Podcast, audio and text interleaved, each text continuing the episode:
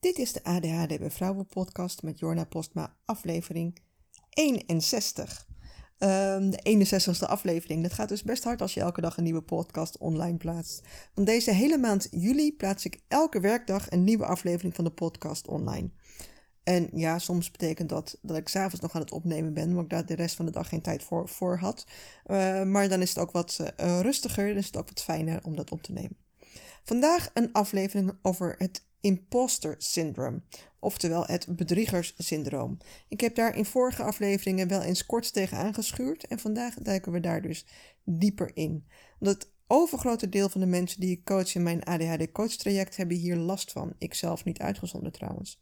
Maar wat is het imposter syndroom en waarom hebben wij als ADHD'ers in het algemeen en ADHD-vrouwen in het bijzonder daar vaak zo'n last van? En tot slot, wat zijn dingen die je kunt doen om hier overheen te komen?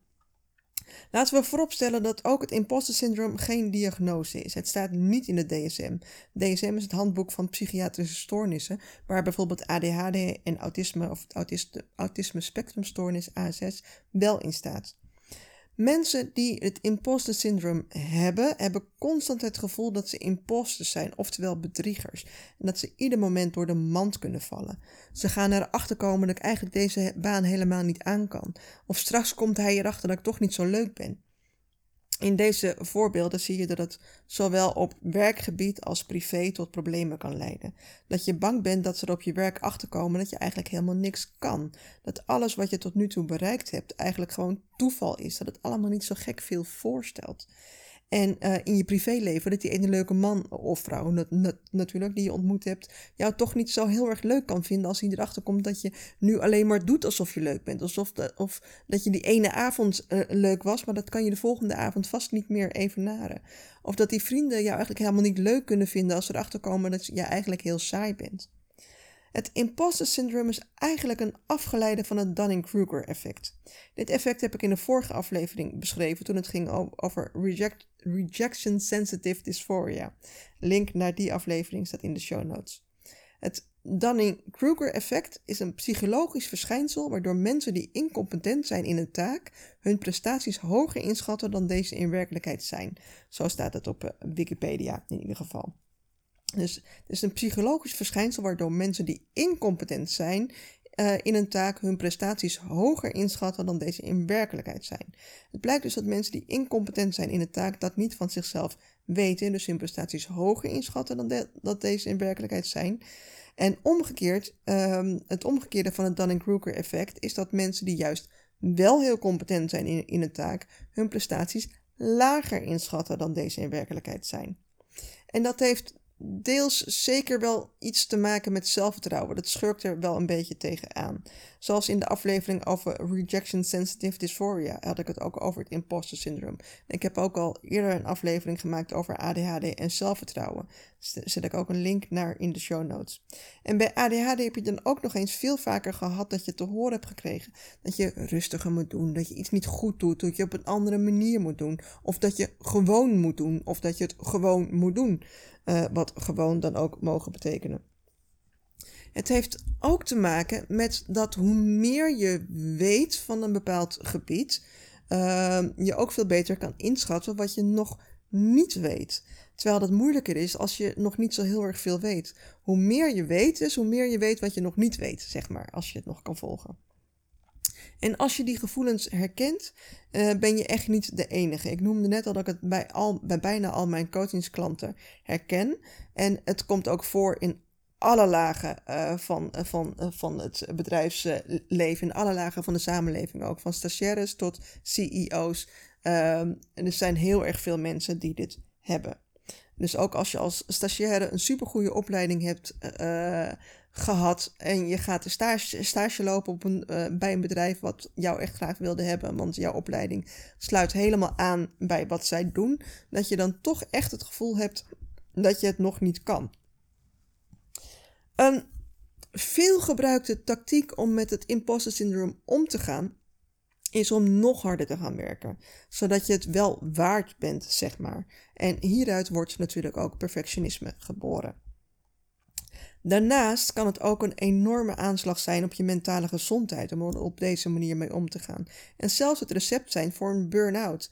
En dat is dus niet zo heel erg gezond op de lange termijn. Ook omdat dit soort dingen allemaal niet helpen bij het imposter syndroom. Omdat je je bij elk succes dat je behaalt toch alleen maar denkt dat het toeval is. Of gewoon goede timing. Of dat je gemast, gematst bent. Of dat je zeker weet dat anderen het vast beter zouden hebben gedaan dan jij. En dat de anderen daar dus ook nog wel achter gaan komen. Dat het toch allemaal niet zo erg veel voorstelt als dat het nu lijkt. Ehm, en sowieso dat als jij dit kunt, dan moeten anderen het toch ook kunnen. En waar je als dingen wel goed gaan het niet accepteert als jouw verdienste, neem je wel elke verantwoording als het misgaat. Want als het misgaat, dat is eigenlijk bewijs voor wat jij eigenlijk al lang wist. Je bent niet goed voor deze taak. Of misschien zelfs in het algemeen wel gewoon niet goed genoeg. Dus als het goed gaat, als je iets goeds gedaan hebt, als je een prestatie hebt geleverd die uh, uh, bewonderd wordt of uh, waar, waar, je, waar je lof voor krijgt, dan externaliseer je de uitkomst. Van dan kan het dus niet aan jou liggen. Dan is het toeval of goede timing of de omstandigheden waren gewoon, gewoon goed. In ieder geval, het kan nooit aan jouw prestaties liggen. Maar als het fout gaat, dan internaliseer je het. Dus dan uh, denk je echt dat het, dat, de, uh, alle, dat het gewoon komt omdat uh, jij niet deugt, omdat jij toch niet goed genoeg blijkt te zijn. Terwijl het aan honderdduizend andere redenen kan liggen. Um, en dat is een, een lastige, en psychologisch ook een lastige, want, want je brein die is heel erg goed in het verzamelen van informatie. En hoe jij over jezelf denkt, daar verzamelt hij dan bewijs bij. En dus als jij slecht over jezelf denkt, dan verzamelt hij dus dat bewijs. Dus vandaar dat als je een, een fout hebt gemaakt en het gaat mis, dat is dan het bewijs voor je brein van zie je wel, ik ben niet goed genoeg. Terwijl als je dan iets goeds hebt gedaan, um, dat, is dan, dat accepteert je brein niet als bewijs, want het past niet bij hoe jij over jezelf denkt. Want je, hoe je over jezelf uh, denkt en wat je doet, dat moet congruent zijn. Dat moet met, met elkaar samenhangen. Want anders, uh, uh, ja, dat, dat, dat accepteer je gewoon niet. Um, en dat is natuurlijk een hele lastige combinatie, omdat als je toch niet gelooft dat je goed genoeg bent en je hebt wel genoeg bewijzen in je omgeving dat mensen je uh, prijzen voor wat je doet. En dus dat je heel erg veel complimenten krijgt. Dat dat eigenlijk niet aankomt, omdat het niet past bij hoe jij over jezelf denkt. Er zijn verschillende manieren waarop je het imposter syndroom kunt herkennen. Als je heel perfectionistisch bent en ondanks dat je een enorme goede prestatie hebt neergezet, toch altijd kritiek op jezelf blijft geven voor hele kleine foutjes, omdat het misschien geen 100% was, maar uh, eh, 85% of 90% dan kun je niet de waardering voelen voor die 90 procent, dan zie je alleen die 10 of misschien zelfs wel, wel die 5 of die 3 of die 2 procent waarin het niet goed, goed, goed ging. En je beschouwt het dus eigenlijk alsof je gefaald hebt. Um, en dit is ook niet voor niks dat ik progress not perfection als mantra bijna dagelijks herhaal. Niet alleen tegen mijzelf, maar ook tegen mijn coaches. Het kan ook zijn dat je um, van nature gewend bent om dingen heel snel aan te leren. En als je op een punt komt waarop dat allemaal niet meer zo vanzelf gaat, dat je dan denkt dat anderen dat wel vanzelf kunnen. Dat jij de enige bent die dit niet onder de knie krijgt. Terwijl je niet weet en niet ziet wat anderen ervoor moeten doen. Je schaamt je dat het jou zoveel moeite kost. Mijn uh, puberdochter had dit in de uh, brugklas. Die is fluitend door de basisschool heen uh, gerold. En in de brugklas moest ze opeens wel dingen leren en er echt voor werken. En zij dacht echt dat anderen een uh, fotografisch geheugen hadden en dat zij de enige was die het niet kon. Uh, en dat was natuurlijk helemaal niet waar. Uh, maar dat is wel een hele lastige combinatie. De volgende is ook heel erg herkenbaar voor veel ADHD'ers. Dat is namelijk dat we altijd alles zelf willen doen. Het idee hebben dat je altijd alles alleen moet kunnen en vooral geen hulp vragen, want dat is een zwaktebod. Uh, ik heb hier heel veel last van gehad en soms nog wel eens last van. Um, alhoewel dat ook wel weer een heel stuk minder wordt, want als je hulp vraagt aan mensen, word je er alleen maar beter van. En het is ook goed voor je, voor de relaties tussen mensen. Um, nog eentje, en dit is ook eentje die heel erg herkenbaar is, vooral uh, bij vrouwen um, uh, en dus ook bij ADHD-vrouwen. Je probeert alles te zijn voor iedereen. Je wil de ideale partner zijn, goed in je werk zijn, een goede ouder zijn, een goede dochter of zoon zijn, een goede vriend of vriendin, een, goede buur. Je geeft altijd alles aan anderen, vooral je eigen tijd en energie. En wat je ook doet, je hebt altijd het gevoel dat je op enig gebied tekort schiet. Als je tijd met je kinderen doorbrengt, voel je je schuldig dat je niet nog harder aan het werkproject bezig bent. Als je met vrienden iets leuks doet, dat je je kinderen verwaarloost, enzovoort, enzovoort, enzovoort. Je bent altijd, altijd eh, het gevoel dat je tekort schiet. Um, er kunnen verschillende oorzaken uh, zijn van het imposter syndroom, uh, waarom je dat ontwikkeld hebt. Het kan zijn dat je als kind misschien te veel gepusht bent om goede resultaten op school te halen uh, en, en, dat je daarom, daar, daarom die kant op bent gegaan. Um, in het geval van ADHD denk ik eerder aan een andere benadering en die uh, wordt, die, raakt ook steeds meer in zwang. Niet, een, niet eens op het gebied van, van, van dat het bij ADHD daarover komt. Maar de laatste tijd komt er ook steeds meer oog voor imposter syndroom bij vrouwen en uh, bij mensen van kleur en ook vrouwen van kleur. In dat geval is er in eerste instantie niet eens echt sprake van dat je misschien zelf niet denkt dat je het niet kunt, maar dat je constant last hebt van microagressies of soms zelfs ronduit seksisme of racisme. En dit heeft ook alles te maken met het feit dat witte mannen nog steeds op veel werkplekken de norm zijn en vrouwen en mensen van kleur vaak minder gerepresenteerd zijn in het bedrijfsleven, bijvoorbeeld. En sowieso in managementlagen uh, is de diversiteit nog wel een beetje om te huilen. Um, en, en, laten we ook niet vergeten dat het favoriete hobby van mannen vaak mensplenen is. Uh, is het door een man op een neerbuigende, bevogendende manier uitleggen van iets aan een vrouw. Die heb ik ook weer van een site uh, uh, geplukt. maar mens, mensplenen is, is dus als een, als, als een man, ja maar mevrouwtje, dat doe je niet zo, dat moet je zo, zo, zo, zo doen. en ik heb daar echt een gruwelijke hekel aan. Een, ik heb er ook nog niet eens echt een goede respons op, omdat ik op het moment dat zoiets gebeurt, meestal met mijn mond vol tanden sta en niet weet hoe te reageren. Pas uh, uren later dan, oh, dat had ik moeten zeggen. Ja, dat was een, goede comeback uh, geweest, maar op zo'n moment zelf sla ik helemaal dicht. Maar uh, die Zelfde witte mannen die bevestigen elkaars voorbeelden de hele dag door. Dus die, die kopiëren elkaars leiderschapsstijl, die kopiëren elkaars werkstijl. Um, en als vrouw en of, uh, en of vrouw van kleur heb je die bevestiging een heel stuk minder. Want je uh, wordt op een andere manier behandeld, op een andere manier benaderd. Waardoor je kunt gaan voelen dat je misschien niet helemaal bij hoort. Of dat je eigenlijk nog harder je best moet doen uh, dan, dan dat jouw uh, witte mannelijke collega dat moet doen. En bij mensen van kleur is dat ook echt uh, bewezen dat die veel harder moeten werken om aan het stereotype beeld te ontkomen. En ook seksisme is real in, in echt overal in alle lagen van de, van de, de, werkprocessen, in alle lagen van de wereld. En ik denk dus dat je dit idee ehm, ook kunt extrapoleren naar neurodiverse mensen op de werkvloer. Ook uh, terwijl je niet altijd aan iemand kan zien dat iemand uh, uh, neurodivergent is, heet dat eigenlijk of, of officieel. Uh, dus dat neurodiversiteit niet gezien wordt, want je ziet het niet aan de buitenkant. Je ziet niet of iemand ADHD heeft, terwijl je wel ziet, uiteraard, of iemand van kleur is of dat het een vrouw is. Um, maar ook die hebben te maken met micro, microagressies. Ik probeerde twee, twee woorden van twee woorden één te maken microagressies en hebben vaak geen rolmodel die laat zien dat het kan. Ze zijn er wel, uh, um, echt in elk bedrijf, overal, overal in de maatschappij, zijn er echt wel, um, wel mensen uh, met een neurodivergente achtergrond, met uh, ADHD, met ASS of, of an andere diversiteiten. Um, alleen over het algemeen is men wat terughoudender in laten zien dat, dat ze neurodivergent zijn. Uh, misschien zijn er wel high achievers met ADHD of ASS, maar spreken ze er niet over en hebben ze leren om dat te masken, om dat te maskeren.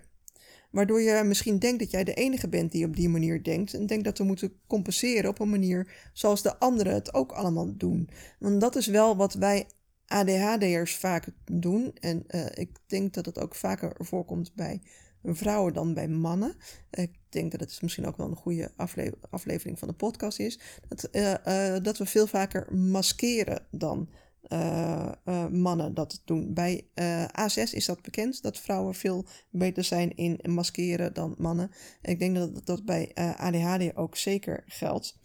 Um, ook omdat bij vrouwen veel vaker de onoplettende variant de, de, de diagnose in, is in plaats van de hyperactieve variant. Uh, en veel vaker ook nog het gecombineerde type, net zoals ik zelf ook ben. Maar we zijn heel erg gewend om ons aan te passen aan anderen, om te doen zoals anderen het ook doen, of in ieder geval om te doen zoals wij denken dat anderen het ook doen.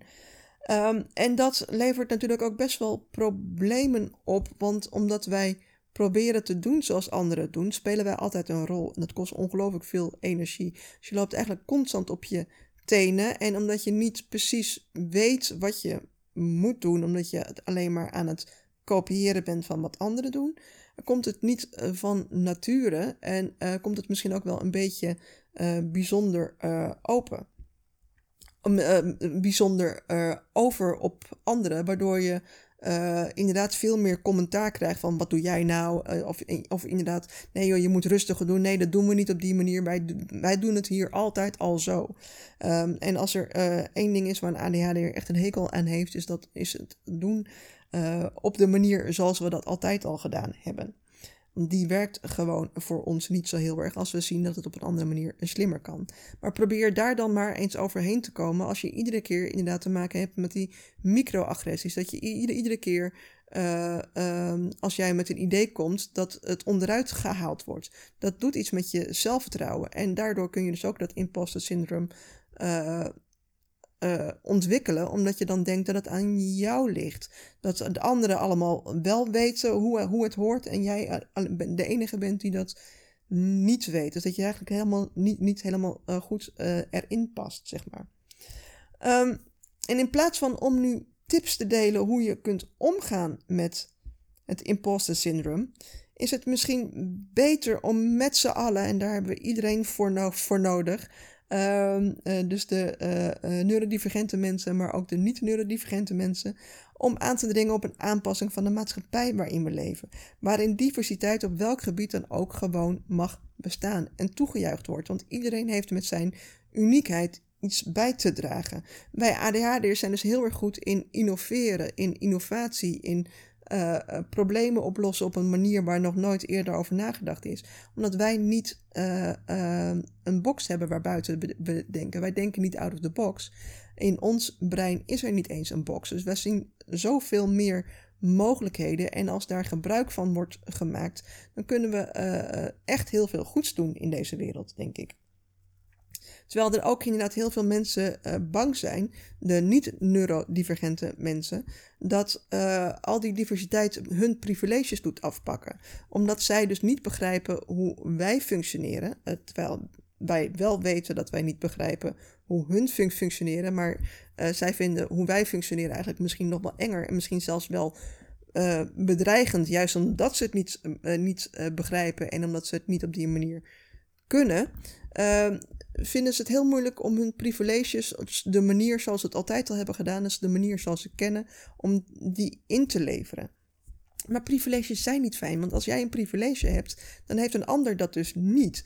Um, en daar wordt de maatschappij als geheel uiteindelijk niet echt heel erg prettig voor.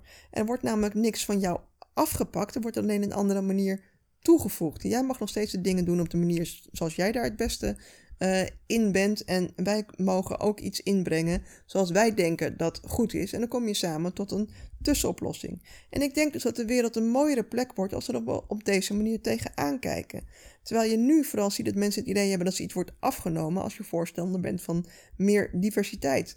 Uh, en dat heeft niet alleen op het gebied van, van neurodiversiteit uh, te, te, maken, maar ook als je uh, zegt dat je vegetarisch bent. Nou, maar ik eet gewoon vlees. Uh, dan, uh, dan krijg je ook echt, de, de, dan, dan worden ook de hakken in het zand gezet, zeg maar. Ik denk dus dat het imposter syndroom niet iets waar, we als, waar je als individu vanaf moet komen, waar, maar de maatschappij vanaf moet komen door meer acceptatie van neurodiversiteit in dit geval. Um,